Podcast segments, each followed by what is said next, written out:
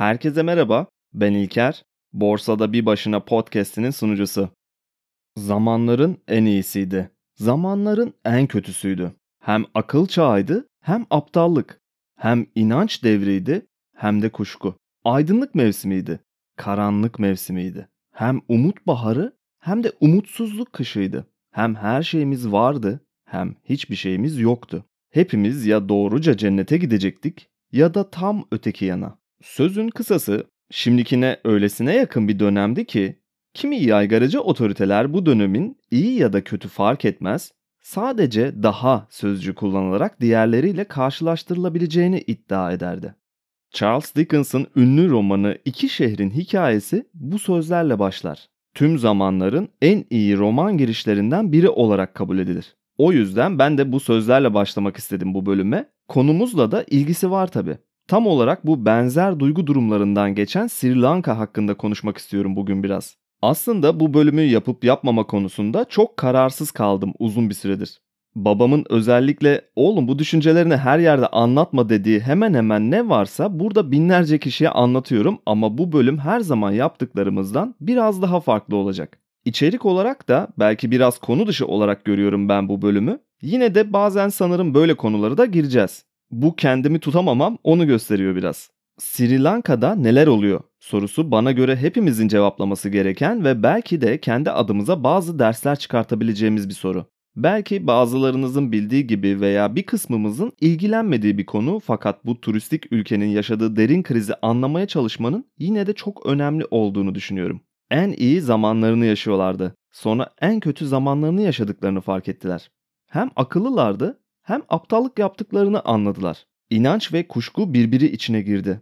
Umutları bir anda geri dönülemez bir umutsuzluğa dönüştü. Bir dönem için hemen her şeyleri vardı, sonra temel yaşam ihtiyaçları bile olmadı. Belirli bir süre için yaygarıcı otoriter bir rejim altında daha iyi olacaklarını düşündüler. Daha iyi olmadıklarını fark edene kadar. Son 5-6 yıldır büyük bir ekonomik kriz içindeler ve kısa bir süre içinde de çözüleceğe benzemiyor durum. Enflasyon bir anda yükseldi. Özel sektörü geçelim. Devlet kurumlarında çalışan memurların bile maaşını ödeyemeyecek seviyelere geldiler. Hükümet para basarak maaşları ödeyebileceklerini söyledi fakat bu durumun tabii ki daha yüksek enflasyonu da beraberinde getireceğinin farkındalar. Şimdilerde IMF ve Çin, Hindistan gibi devletlerle tekrar masaya oturmaya çalışıyorlar bir kurtarma paketi alabilmek için. Ayrıca zaman zaman sosyal medyada gördüğümüz bir geyik olan neden para basarak borçlarımızı ödemiyoruz sorusunun da cevabına bakacağız bugün. Ama tüm bunlara girmeden önce Sri Lanka ile ilgili biraz bilgi verelim. Ülkeyi biraz kafamızda canlandırmamız gerekli. Hindistan'ın hemen altında Hint Okyanusu'nda bulunan bir ada ülkesi Sri Lanka. Özellikle dijital göçebe dediğimiz kesimin çok ilgisini çeken bir yer. Tabi en azından son gelişmelere kadar böyleydi. Benim de uzun süredir ilgilendiğim bir yerde. Belki de hiç gerçekleştiremeyeceğim dünya gezimin duraklarından biri buraydı. Şimdi dijital göçebelerin ülke ve şehir sıralaması yaptığı listeye tekrar baktım. Sri Lanka başkenti Colombo 200 küsür sıralara düşmüş yaşanabilir en iyi yerler listesinde. Tabi bu listenin odak noktası buna benzer normal şehir ülke listelerinden biraz farklı. İnternet hızı, hava durumu, yaşam maliyeti gibi kriterler var. Aslında coğrafik arbitraj da diyoruz biz buna. Üstün bir para birimiyle dijital olarak gelir elde edip yaşam kalitesinin belli bir seviyenin üstünde fakat değersiz bir para biriminin olduğu ülkeler genellikle bu listelerde üst sıralarda oluyor. Türkiye'den de özellikle İstanbul ve Antalya bu listelerde üst sıralarda ve gözde yerlerden. Tabi daha üstün bir para birimiyle buralarda bulunuyorsanız. Mesela Portekiz, Endonezya, Tayland gibi ülkeler yine üst sıralarda bu listelerde. İşte böyle ilgi çekici bir ülke olan Sri Lanka'nın sadece birkaç yıl içinde nasıl tamamen tersine döndüğünü ve sonunda devlet başkanının ülkeden kaçmak zorunda kalışının hikayesini anlatmaya çalışacağım bugün. İşler öyle bir noktaya geldi ki devletin kasasında para kalmamasından dolayı ülke borçlarının faizlerini bile ödeyemeyecek bir duruma geldi ve resmi olmasa da bu bir iflas demek aslında. Borsada bunlara zombi şirketler diyoruz. Borçlarının faizini bile ödeyememek bu anlama geliyor. Sri Lanka'ya da zombi ülke diyebiliriz sanırım. En azından şu an için. Fakat ben bu hikayeyi karmaşık ve anlaşılmaz bir hale getiren iktisadi ve ekonomik dilin dışında rakamlara çok fazla boğulmadan daha yalın ve anlaşılabilir bir şekilde anlatmaya çalışacağım. Tabi önce yine de bazı rakamlara bakmamız gerekli ülkenin ekonomisini daha iyi anlayabilmek için. GDP sıralamasında şu anda 113. sırada bulunuyorlar. Gayri safi yurt içi hasıla diyoruz biz buna. Bu arada tam bu noktada bir karşılaştırma yapmak lazım. Gayri safi milli hasıla ve gayri safi yurt içi hasıla birbirinden farklı şeyler. Yurt içi dediğimizde bu o ülke içinde vatandaş olan ve yabancı olanların toplam ürettikleri mal ve hizmetlerin belirli bir para birimi karşılığında değerini gösteriyor. Milli hasıla dediğimizde ise bu yurt içi net toplama yurt dışındaki vatandaşların ülkesine gönderdikleri gelirler ekleniyor fakat yurt içinde bulunan yabancıların da kendi ülkelerine gönderdikleri gelirleri çıkartılıyor. Yani sadece ülke vatandaşlarını kapsıyor. Tabii artık daha da artan küreselleşmeyle ve ticaret ağlarının gelişmesiyle birlikte ülke sınırları saydamlaştıkça ülke ekonomilerini ölçmek için milli hasıla yerine daha çok yurt içi hasıla rakamlarına bakılmaya başlandı. Sri Lanka'nın nominal GDP'si 87 milyar dolar ve bu veriyle listelenen ülkeler arasında daha önce bahsettiğim gibi aşağı yukarı 113. sırada bulunuyorlar. Aynı listede Türkiye 21-23 gibi zaman zaman sıralaması değişiyor ve yaklaşık GDP'miz 850 milyar dolar. Yani neredeyse Sri Lanka'nın 10 katı büyüklüğünde bir ekonomiye sahibiz. Tabii bu verilerin kişi başına yurt içi hasıla veya toplam borcun yurt içi hasılaya oranlarına bakıldığı daha değişik parametreleri de var ama genel olarak bu istatistiklerin her şeyi çok net göstermediğine inanıyorum. Mesela toplam borcun yurt içi hasılaya oranı %350 Venezuela'da. Bu bazı şeyleri anlatıyor. Fakat Amerika için bu oran %137 ve en azından kötü olmayan bir ekonomileri olduğunu söyleyebiliriz. Sri Lanka için bu oran %101 ya da daha çarpıcısı Japonya'nın toplam borcunun yurt içi hasılasına oranı %266 ve Venezuela'nın arkasından borçluluk oranında ikinci sırada yer alıyorlar. Klinik bir ekonomileri var ve incelemeye değer. Hatta belki bir gün Japonya özelinde de bir bölüm yapabiliriz. Daha da şaşırtıcı gelebilecek olansa Türkiye'nin bu borç oranı %42 civarlarında GDP'sine göre. Gayet iyi yani. Fakir ama gururlu olduğumuzu gösteriyordur belki de bu oran. Bu farklı ülkelerin karşılaştırmalarını özellikle yapıyorum çünkü bu rakamların bazen tam olarak istatistikten beklediğimiz anlama gelmediğini göstermek istiyorum. Yine de konudan çok sapmayalım. Japonya gelirinin 3 katı kadar borcu varken ekonomisini döndürmeyi devam ettirmesine rağmen Sri Lanka'nın görece daha güvenli bir oranla bunu neden yapamadığı bugünkü konumuz. Geçtiğimiz aylarda Sri Lanka başkenti Colombo'da çok ciddi protestolar başladı ve sonunda devlet başkanı Rajapaksa ülkeden kaçmak zorunda kaldı.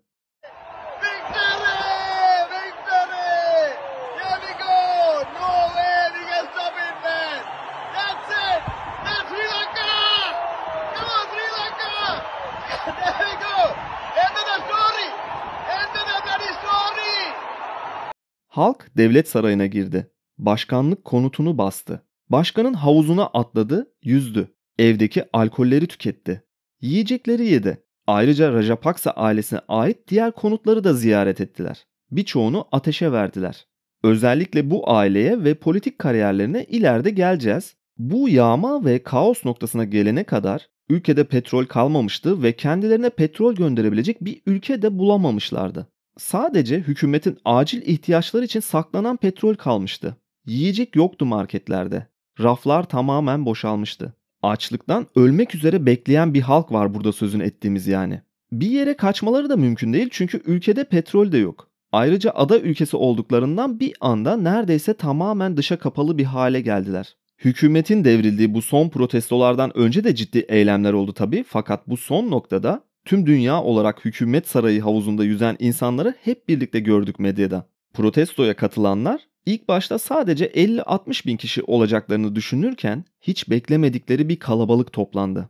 Yaklaşık 300 bin kişi başkent Colombo'da hükümet sarayına yürüdü ve bana göre kendilerine ait olanı emanet ettiklerinden geri aldılar. Bu kadar büyük bir kalabalık toplandığında Onlara göre görece daha az sayıda sarayı koruyan güvenlik güçlerine karşı kaçınılmaz olarak tabii ki üstün geleceklerdi. Güvenlik şeridi yavaşça yarıldı, sonra akın şeklinde insanlar saraya girdi.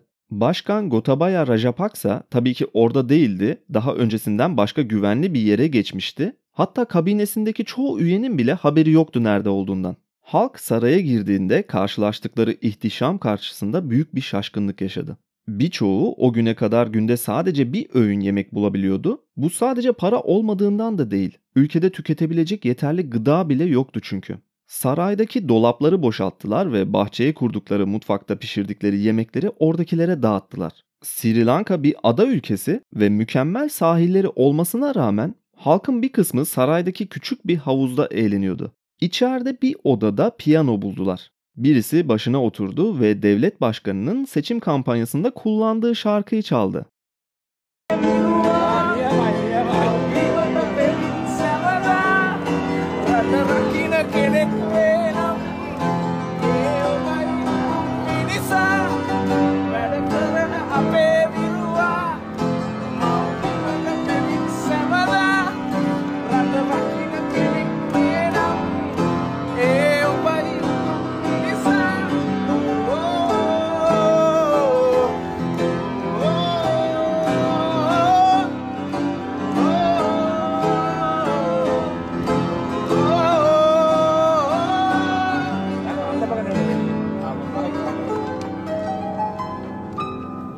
Halk için çalışan kahraman, vatanına aşık adam şeklinde devam ediyor. Başka bir grup başkanın çalışma odasına girdi. Onun oturduğu koltuğa oturup poz verdiler. Anı fotoğrafı çekildiler. Onun halka seslendiği odayı incelediler ve ilk defa gördükleri şatafat karşısında şaşkına döndüler. Halk açlıktan kırıldığı ve gıda bulamadığı derme çatma evleriyle bu sarayı karşılaştırdığında bir şeylerin yanlış olduğunu gözleriyle gördü. Diğer bir grup başkanın yatak odasına kadar girmişti.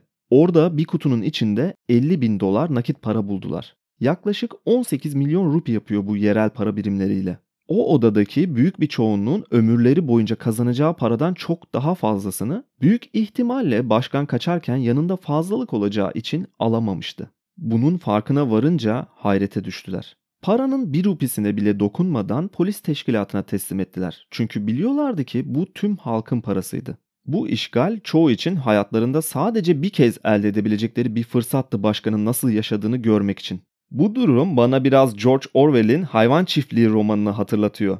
Bu çıkarımla Sri Lanka'nın daha önce geçirdiği devrimi ve Rajapaksa ailesinin yönetimi ele alması kısmına girdiğimizde bağlantı kuracağız. Hayvan çiftliğinde hayvanların baş kaldırmasıyla kovdukları çiftlik sahibi Bay Jones'tan sonra yönetimi eline alan domuzları ve çiftlik sakinlerinin bu devrim sonrası yaşamlarını anlatıyor. Sistemleri eleştiren oldukça düşündürücü bir kitap. Mutlaka tavsiye ederim henüz okumayanlar için. Ayrıca hükümet sarayının bu şekilde bir işgal altına alınması garip bir şekilde büyük bir ilgi çekti tüm dünyada. Tabi bu işgalin yaklaşık 5-6 gün sürdüğünü daha sonrasında halkın sarayı terk ederek bu sembolik alanları tekrardan kurulacak yeni hükümete devrettiğini söylemek lazım.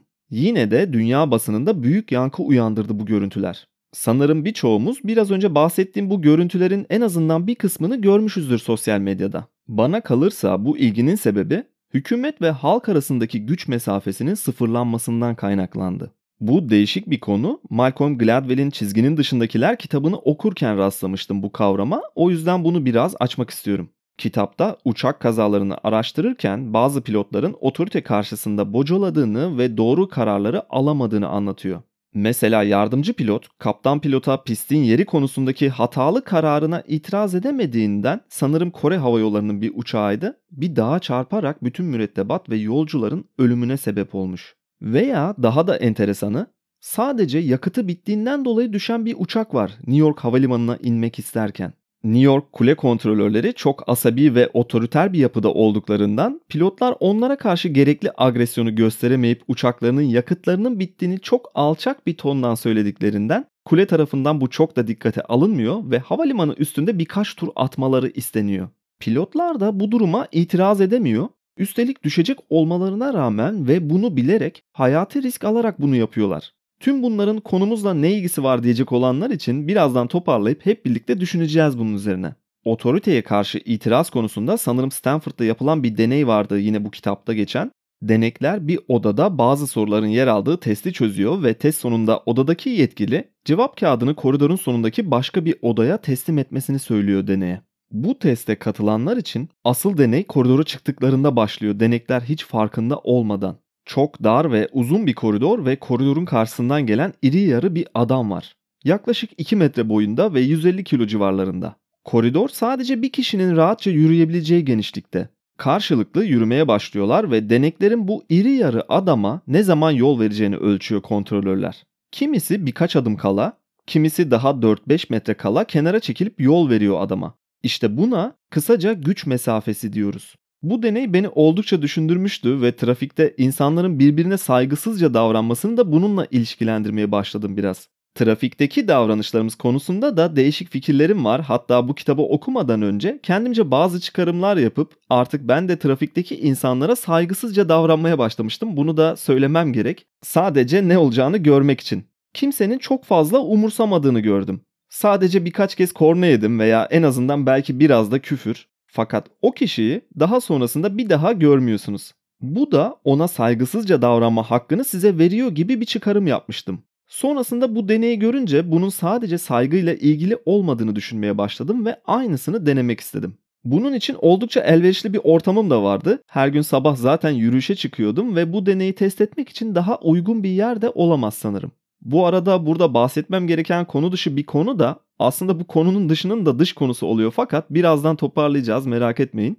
Düzenli bir şekilde yürüyüş yapmak insanın günlük yaşamında değişik bir öneme sahip bence. Ben bu yürüyüşleri ayrıca daha da verimli yapabilmek için sesli kitap da dinlemeye başladım. Şimdi reklamlar der gibi bir geçiş oldu çoğu yayında karşılaştığımız o çiğlikte fakat korkmayın öyle değil. Eski okuma alışkanlıklarımdan bayağıdır uzaklaşmıştım biraz. Birkaç ayda belki bir kitap anca okuyacak seviyelere kadar düşmüştüm. Her sabah erkenden kalkıp bir saat yürüyüş yapmak ve işe giden insanları izlemek gibi bir alışkanlık edindim son zamanlarda ve bunun üstüne bir de neden bu zamanımı daha iyi değerlendirmiyorum diyerek sesli kitap dinlemeye başladım bu bir saat içinde. Sanırım bu şekilde ortalama haftada bir kitap bitiriyorum.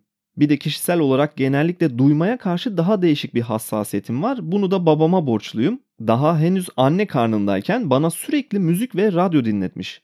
Kendimi bildim bileli bir şey dinlemeden veya bir ses olmadan uyuyamıyorum büyük ihtimalle bu sebepten. Her neyse bu yürüyüşlerde sabah 7-7.30 gibi çıkıyorum. Kalabalık caddeler olmadığı için sakin bir yürüyüş zamanını biraz daha alengirli bir hale çevirdim. Artık yolda yürürken kimseye yol vermeyecektim ve kendime bazı kurallar da koydum. Mesela karşımdan gelen birinin özellikle tam karşısına konumlamayacaktım kendimi çünkü bu biraz yapay görünürdü ya da çok yaşlı insanlarda bunu denemeyecektim. Yani yaşlılar hariç sadece kendi izlediğim yürüyüş düzleminde gidip neler olacağını merakla bekleyecektim. Ha bir de yolun sadece sağ tarafından gidecektim ki bu zaten genel geçer bir kural. İlk gün iki tane kadınla çarpıştım. Geriye kalan aynı karşı düzlemimde gelen herkes yol verdi. Aynı deneydeki gibi kimisi 4-5 metre kala, kimisi birkaç adım kala yolumdan çekildi. Bu ayrıca bana değişik bir haz verdi o gün fark ettim ki ben genellikle böyle bir durumda hep yol veren taraf oluyormuşum daha önce. Bu alışkanlığımı da pasife almak zor oldu biraz. Trafikte de bu böyleydi daha önce bahsettiğim gibi artık karşı taraftan daha saygısızca davranıp kendimce bir şeyler deniyorum orada da. Çarpıştığım iki kadın da bana garip bir şekilde baktı. Sanki yol tamamen onların hakkı ve ben orada ne arıyorum der gibi süzdüler beni sinirli bir şekilde. Ben de ilkinin bana attığı bu bakışın aynısını ikinciye attım. İkimiz de birbirimize tiksintiyle baktık bir süre. İkinci gün yine sadece iki kadınla çarpıştım. Bir tanesiyle karşıdan karşıya geçerken üstelik. Yolun sağ tarafından giderken. Yine aynı şekilde bakıştık bu insanlarla da. Sonraki günlerde bir tane genç bir çocukla çarpıştım sadece. Belki de benim artık daha kendimden emin hareket etmemden veya başka bir nedenden başka kimseyle çarpışmadım. Karşımdaki herkes yol verdi. Üstelik bir kısmı bunu fark etmeden yapıyor aynı benim daha önce yaptığım gibi. Bir kısmı garip bakışlarla yol veriyor. Bazıları da tam çarpmak üzereyken çekiliyor. Burada benim dikkatimi çeken kesim yol verenler tabi. Bir de bu yürüyüş alanı asıl deneydeki koridor gibi de değil geniş kaldırımlar var. İki tarafında yol hakkı eşit ama iki tarafta aynı istikamette devam ederse bir çarpışma olacak. İkisinin de yoldan çekilmesi veya yürüme düzlemini değiştirmesini gerektirecek bireysel bir durum yok. Kendi düzleminde gidiyor herkes ama bir taraf bu yol verme eylemini yapmak zorunda. Bu çok enteresan bir düşünce. Bu arada yarından itibaren kimse kimseye yol vermesin bakalım neler oluyor demiyorum tabi. Kibarlık her zaman iyidir fakat bu deneyden başka bir şey çıkartacağız. Zaten belki de o yüzden böyle uzun uzadı diye anlattım. İşte aynı çizginin dışındakiler kitabında geçen bu deneydeki gibi aramızda görünmez bir güç mesafesi var. Otorite karşısında itiraz edemeyenler bunu belki farkında bile olmadan yapıyorlar çoğu zaman. ya da farkında olsalar bile kendilerini yapmak zorunda hissediyorlar. Bu çoğu kişi için ölümcül olmayabilir fakat bir uçağı düşürmeye yetebiliyor. Ya da bireysel olarak önemsiz görünse de toplumsal olarak otoriteyle aramıza geniş bir güç mesafesi koyduğumuzda bunun sonuçlarına tüm toplum olarak boyun eğmemiz gerekiyor. Sri Lanka'da yaşananlar da tam olarak bu işte. Ülkenin bir aileye gücü vermesi ve otorite karşısında itiraz edememesinin sonuçları olarak görüyorum bu krizi. Bu ailenin konutları ve saraylarının işgal edilmesi, onların yataklarında yatmak, havuzlarına girmek belki basit bir isyan gibi görünebilir ama tüm bu eylemlerin güç mesafesinden kaynaklanan simgesel bir anlamı var. Tüm bu durum yine de herkes için büyük bir sürpriz aslında. Gerçek dışı gibi görünen bu hükümet binalarının işgali, Rajapaksa ailesinin konutlarından kovulması, başkan ve ailesinin ülkeden kaçmak zorunda kalması hepsi oldukça sürreel geliyor. Çünkü daha çok geçmiş olmayan bir zamanda Sri Lanka Güney Asya'nın parlayan yıldızıydı. 1950'lere kadar İngiliz kolonisi bir ülke burası bu arada. Henüz daha 20 yıl önce iç savaşlar durulup stabilite sağlanıyor gibi görünüyordu. Daha 3-4 sene öncesinde burada yaşayan dijital göçebelerin hayatlarını izliyordum YouTube'dan. 90'lardaki iç savaştan sonra 2000'lerin ortalarına doğru barış sağlanmış gibiydi ve bir anda ülke büyük bir atılıma geçti. Başkent Colombo'da lüks binalar yükseldi, turizm teşvik edildi, ülkenin kişi başına geliri sürekli artan bir grafikle büyümeye başlamıştı ve her şey çok iyi gidiyor gibi görünüyordu. Ta ki bu ekonomik krize kadar. Resmi verilere göre şu anda yıllık %70 civarında enflasyon var. Bağımsız kuruluşlarca ya da mesela en son John Hopkins Üniversitesi'nin araştırmasına göre bu oran %130. Peki henüz daha 3-4 yıl önce fakir ama bu kadar umut vadeden bir ülkeden nasıl devlet başkanının sarayının işgal edildiği noktaya geldik? Aslında her şeyi daha net kavrayabilmek için tekrar 2005 yıllarına geri dönmemiz gerekli. Çiftçilik üzerinden büyük bir zenginlik elde eden Rajapaksa ailesinin en büyüğü Mahinda Rajapaksa başkanlık için aday oldu bu dönemde. Aile bundan çok daha öncesinde de politikayla ilgileniyordu zaten ve ülkenin en zenginlerinden tanınan bir aileydi. Mahinda sivil savaşı bitireceğini ve huzuru sağlayacağını vaat etti. Etkinliğiyle ve zaten var olan ekonomik gücüyle birlikte başkan olarak seçildi. Yaptığı ilk iş orduda üst düzey bir komutan olan kardeşini savunma bakanı olarak atamak oldu. Ve birlikte belki bazılarının ismini hatırlayacağı ayrılıkçı grup Tamil kaplanlarını çok şiddetli operasyonlar sonucunda bitirdiler. Savaş dönemi artık kapanmıştı fakat Birleşmiş Milletler raporlarına göre tüm bu sivil savaş sonucunda yaklaşık 100 bin kişi hayatını kaybetmişti.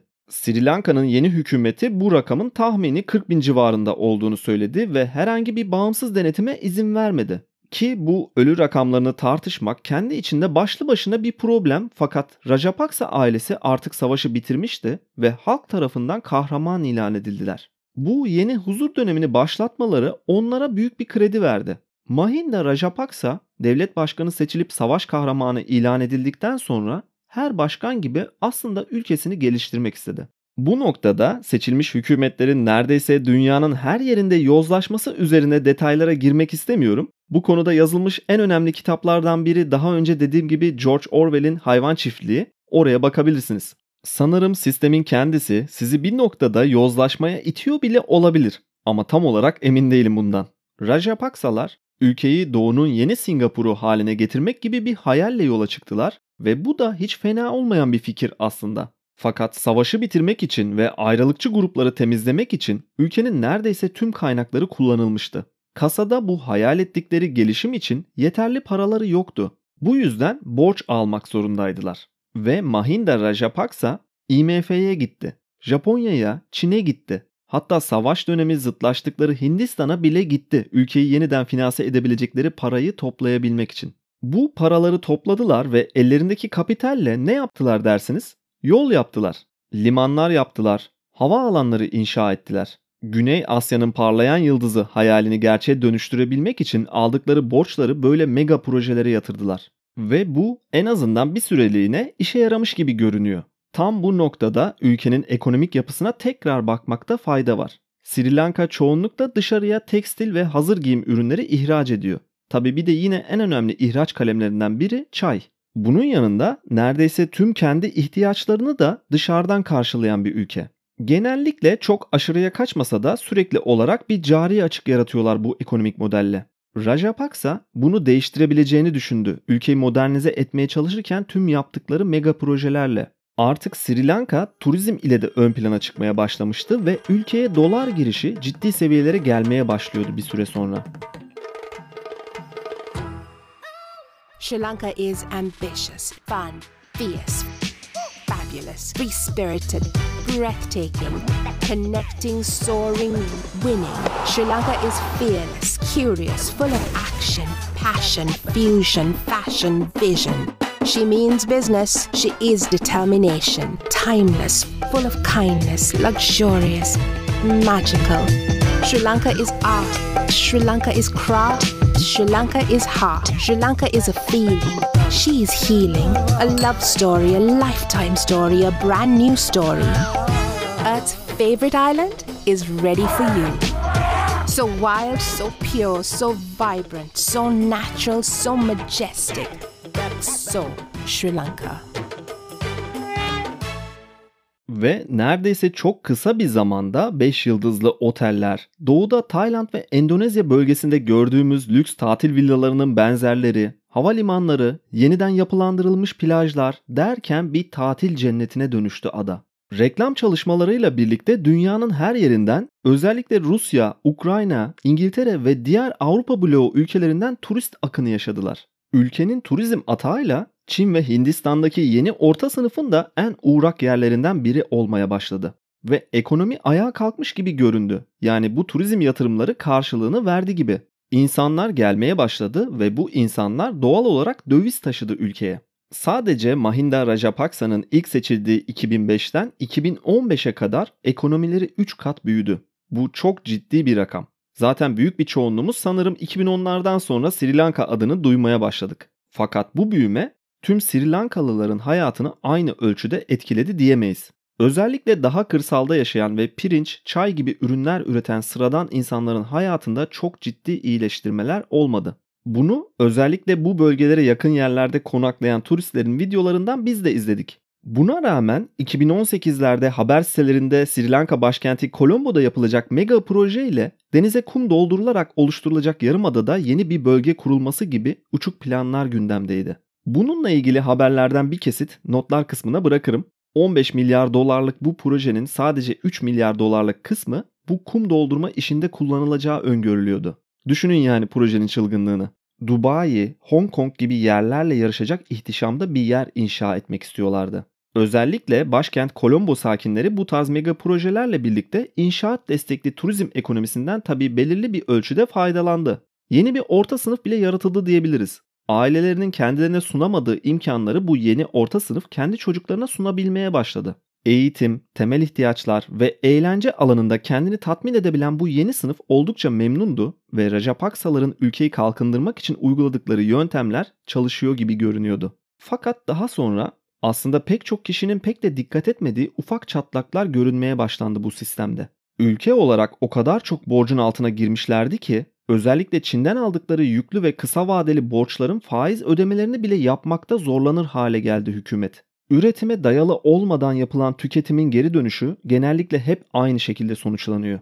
Rajapaksalar bu borçların en azından faizlerini ödeyebilmek için ve biraz da dar boğazdan çıkmak için yeni borçlar aldılar. Aynı kredi kartı limitlerini doldurup ve bunu ödeyecek paran olmasa bile en azından asgarisini ödemeye benziyor biraz bu durum. Bunu yapabilmek için de kartlara takla attırmak dediğimiz sistemi koca bir ülke olarak yaptığınızı düşünün. Bu sadece kendi kendini yiyen bir yılan hikayesi gibi bitebilir. Bunu da çok iyi biliyoruz birçoğumuz. Milyarlarca dolar borç almaya devam ediyorlardı ve bu borcu geri dönüşü olabilecek projelere de yatırmıyorlardı üstelik. Savurgan bir şekilde ellerindeki yeni parayı da dağıttılar. Mesela 25 bin kişilik bir şehre 35 bin kişilik devasa bir kriket stadyumu yaptırdılar. Tabii ki devlet başkanı Mahinda Rajapaksa'nın ismi verildi stada. Ulaşımın hiç kolay olmadığı ve cazibe merkezinde yer almayan bu stadı tabii ki hiçbir zaman dolduramadılar. Bunun yanında yine kendi ölçeklerine göre mega havalimanları inşa ettiler. Kimsenin inmediği, turistik bölgelerin uzağında günde sadece birkaç uçak trafiğinin olduğu bu havalimanı projelerine milyonlarca dolar harcadılar. Yeni limanlar inşa ettiler yine benzer hikayelerle. Bu projelerin büyük bir kısmı hiçbir zaman hiçbir şekilde bir gelir üretimi yapamadı. Tam bu noktada halk yavaş yavaş hükümette bir yozlaşma ve yolsuzluk olduğu şüphesine kapıldı. Çünkü bu kimsenin kullanmadığı ve bir geri dönüşü olmayan mega projeler yapıldıkça belirli bir kesimin zenginliğine zenginlik kattığını gördüler. Özellikle Rajapaksa ailesi ve onlara yakın olanların multimilyoner oluşuna yakından tanık oldular. Ultra lüks evlerde kalıyorlardı, ultra lüks araçlara biniyorlardı, giydikleri kıyafetler, süs eşyaları bile sıradan halkın bir yıllık kazancından daha fazlaydı. Yine de tüm bunlar görülmesine rağmen ekonomi hala öyle çok kötü falan da değildi. Kişi başına yurt içi hasıla artmıştı, insanların eskisine göre alım güçleri daha da artmıştı. Turistler de geliyordu, yabancı sıcak para herkese tatlı gelir sonuçta. Dışarıdan bakan biri için özellikle reklamların pompalanmasıyla ülke adeta bir cennet gibi görünüyordu ayrıca. Sonra muhalefet tarafından bazı ilgili kişiler hükümetin bilançolarına daha dikkatli bakmaya başladı. Endişelilerdi çünkü bu şekilde bir borçlanma ve geri dönüşü olmayan yatırımların yarattığı yeni borç dağlarının devam etmesi mümkün değildi. Eğer hükümet aynı şekilde borçlanmaya ve çılgın projeler yapmaya devam ederse tüm ülkenin parçalanacağını tahmin ettiler. Ve 2015'lere gelindiğinde muhalefet bu iddialarının arkasına halkın desteğini de almayı başardı ve seçimi kazandılar. Rajapaksaların bıraktığı bu devasa borç yığınını tekrar yapılandırmak için yabancı ülkelerle ve IMF ile görüşmelere başladılar. Ödemeler dengesi sağlayabilmek için de tabii ki yeni borçlar almaya devam ettiler. Ve sadece bir dönemlik bu değişimden sonra aslında gidişat anlamında çok da bir şey değişmeyince bu muhalefetin hükümeti de yıkıldı ve 2019 yılında Rajapaksalar gücü tekrar eline aldılar. Bu sefer Mahinda'nın küçük kardeşi eski savunma bakanı Gotabaya Rajapaksa devlet başkanı görevine getirildi. Ve tabii ki abisini de hemen başbakan olarak atayarak tekrar dümeni ellerine aldılar. Ve yine tabii ki kaldıkları yerden devam ettiler. Daha da fazla borç almaya başladılar ve problemi iyice çözülemez bir hale soktular. Yine de tüm bu sürdürülemez gibi görünen ekonomi modeli en azından turizm sayesinde bir şekilde sıcak parayla birlikte nakit üretebiliyordu. Sistem bir şekilde ağır aksak da olsa çalışıyordu. Ta ki Covid krizine kadar. Özellikle Çin'den, İngiltere'den, Rusya'dan her zamanki bekledikleri turistler artık gelemiyordu. Zaten herkes ülkelerini kapatmıştı. Tabi Sri Lanka'da farklı değil. Onlar da tamamen kapanma uyguladılar. Dünyanın her yerinde bu tam kapanmalar ekonomilerin tamamen durmasına neden oldu. Ama Sri Lanka'nın durumu için bunun çok daha özel bir olay olduğunu söyleyebiliriz. Çünkü tüm kasayı bastıkları tek bahisleri turizm üzerine bir ekonomik modeldi onların. En azından bir süre bu şekilde idare ettikten sonra artık yavaş yavaş tam kapanmalar kalktı ve yasaklar gevşetilmeye başladıkça insanlar da tekrar evlerinden çıkmaya başladı. Fakat bıraktıklarından daha farklı bir Sri Lanka ile karşılaştılar. Çoğu zaman benzinliklerde yeterli yakıt bulamıyorlardı ya da marketlerde raflar sürekli dolu değildi ve bazı ürünlere ulaşamamaya başladılar ufak bir kıtlık problemi vardı ve bu durum yine de çok doğaldı çünkü tüm dünya durmuştu ve tekrar çalışmaya başlamak, makinenin çarklarının tekrar aynı hızda dönmesini sağlamak öyle hemen gerçekleşecek bir durum değil. Kontağı kapatıp sonra yeniden marşa basıp aracı tekrar çalıştırmaya benzemiyor bu iş. 2021 sonlarına kadar durum böyle devam ederken ve belki biraz da ümit varken sonrasında 2022 başlarında Rusya-Ukrayna savaşı patladı. Bu savaş zaten tükettiği her şeyi dışa bağımlı bir şekilde alan Sri Lanka için felaketin başlangıcı oldu diyebiliriz. Mal ve hizmet fiyatları çok hızlı bir şekilde artışa geçti. 1-2 ay içinde para birimleri dolara karşı %50 civarında değer kaybetti. Enflasyon hızlı bir şekilde %30 üzerine fırladı. Dışarıdan dolar girişi kesilince cariye açık tavan yaptı ve ülke artık borçlarının faizini bile ödeyemeyecek bir noktaya geldi. Okullar tatil edildi çünkü okullara verilecek elektrik bile yoktu. Benzin istasyonlarında günün sadece belirli saatlerinde yakıt vardı ve inanılmaz kuyruklar oluştu binlerce araçlık. Bir süre sonra petrolleri tamamen bitti. İnsanlar yiyecek gıda, hastalıklarının tedavisi için ilaç bile bulamamaya başladı. Ve bu da sonun başlangıcı oldu bir bakıma. Tam bu dönemlerde protestolar görülmeye başlandı. Bu küçük gruplarla başlayan protestolar çok beklenmedik bir şekilde kısa bir sürede yüz binlerce destekçi buldu ve girişte konuştuğumuz olaylar sonucunda hükümet devrildi. Aristoteles'in dediği gibi yoksulluk devrimin ve suçun kaynağıdır. Ya da bizim anlayacağımız dilden Müslüm Baba'nın dediği gibi yakarsa dünyayı garipler yakar. Fakat şu günlerde tekrardan yeni bir hükümet kurulma aşamasında ve tekrardan IMF, Çin ve Hindistan gibi ülkelerle yeni yardım ve borç paketleri üzerine görüşmelere başlandığı haberlerini almaya başladık. Halk bir rollercoaster'da gibi belki de 2005'ten sonra eriştikleri refah seviyelerini tamamen kaybetmekle kalmayıp ekonomik olarak daha da geriye gittiği gibi görünüyor. Fakat hiçbir şey olmamış gibi yeni borçlar alınacak ve bu borçlar imtiyazlı gruplara aktarılıp nüfuslu insanların tekrar kalkınmasını sağlayacak. Halkın geri kalanı için durum daha da kötüye gitse bile. Sizi bilmem ama bana bu hikaye oldukça tanıdık geliyor ve belki de bu yüzden genel tarzın dışına çıkıp böyle bir bölüm yapma ihtiyacı hissettim. Bu haftalık benden bu kadar. Ekstra olarak bakmak isteyenler Satoshi Radyo Podcast'ı altında Hodul Günlükleri ismiyle 2 haftada bir bölümler yapıyoruz. Daha fazla içerik görmek isteyenler oraya da göz atabilir. Umarım bu bölümden de keyif almışsınızdır. Ayrıca açıklamalar kısmında yer alan mail veya Twitter hesabım üzerinden soru ve görüşlerinizi iletebilirsiniz. Bir sonraki bölümde görüşmek üzere.